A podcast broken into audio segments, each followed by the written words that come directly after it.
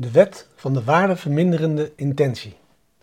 Dit gaat goed samen met dum, calidum, ferut, debitur, cudure, ferrum. Boek Leading an Inspired Life van Jim Rohn. We weten allemaal dat snelheid een kracht kan zijn. Jim Rohn zei dit een beetje anders.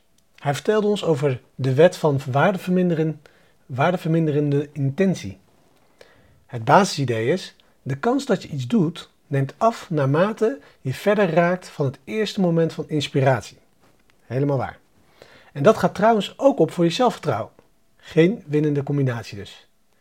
In het middeleeuwse Latijn bestond er een gezegde: Dum calidum ferut debiteur cudure ferrum. In het Nederlands kennen we deze gezegde als de uitdrukking: Je moet het ijzer smeden als het heet is.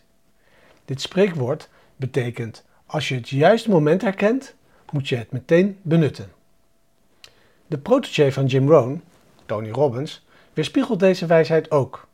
Hij vertelt ons dat we het moment van inspiratie nooit mogen verlaten zonder actie te ondernemen.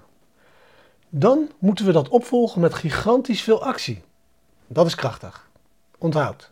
Laat jouw intentie om iets groots te doen niet in waarde verminderen door niet te handelen op het moment dat je intentie op zijn heest is.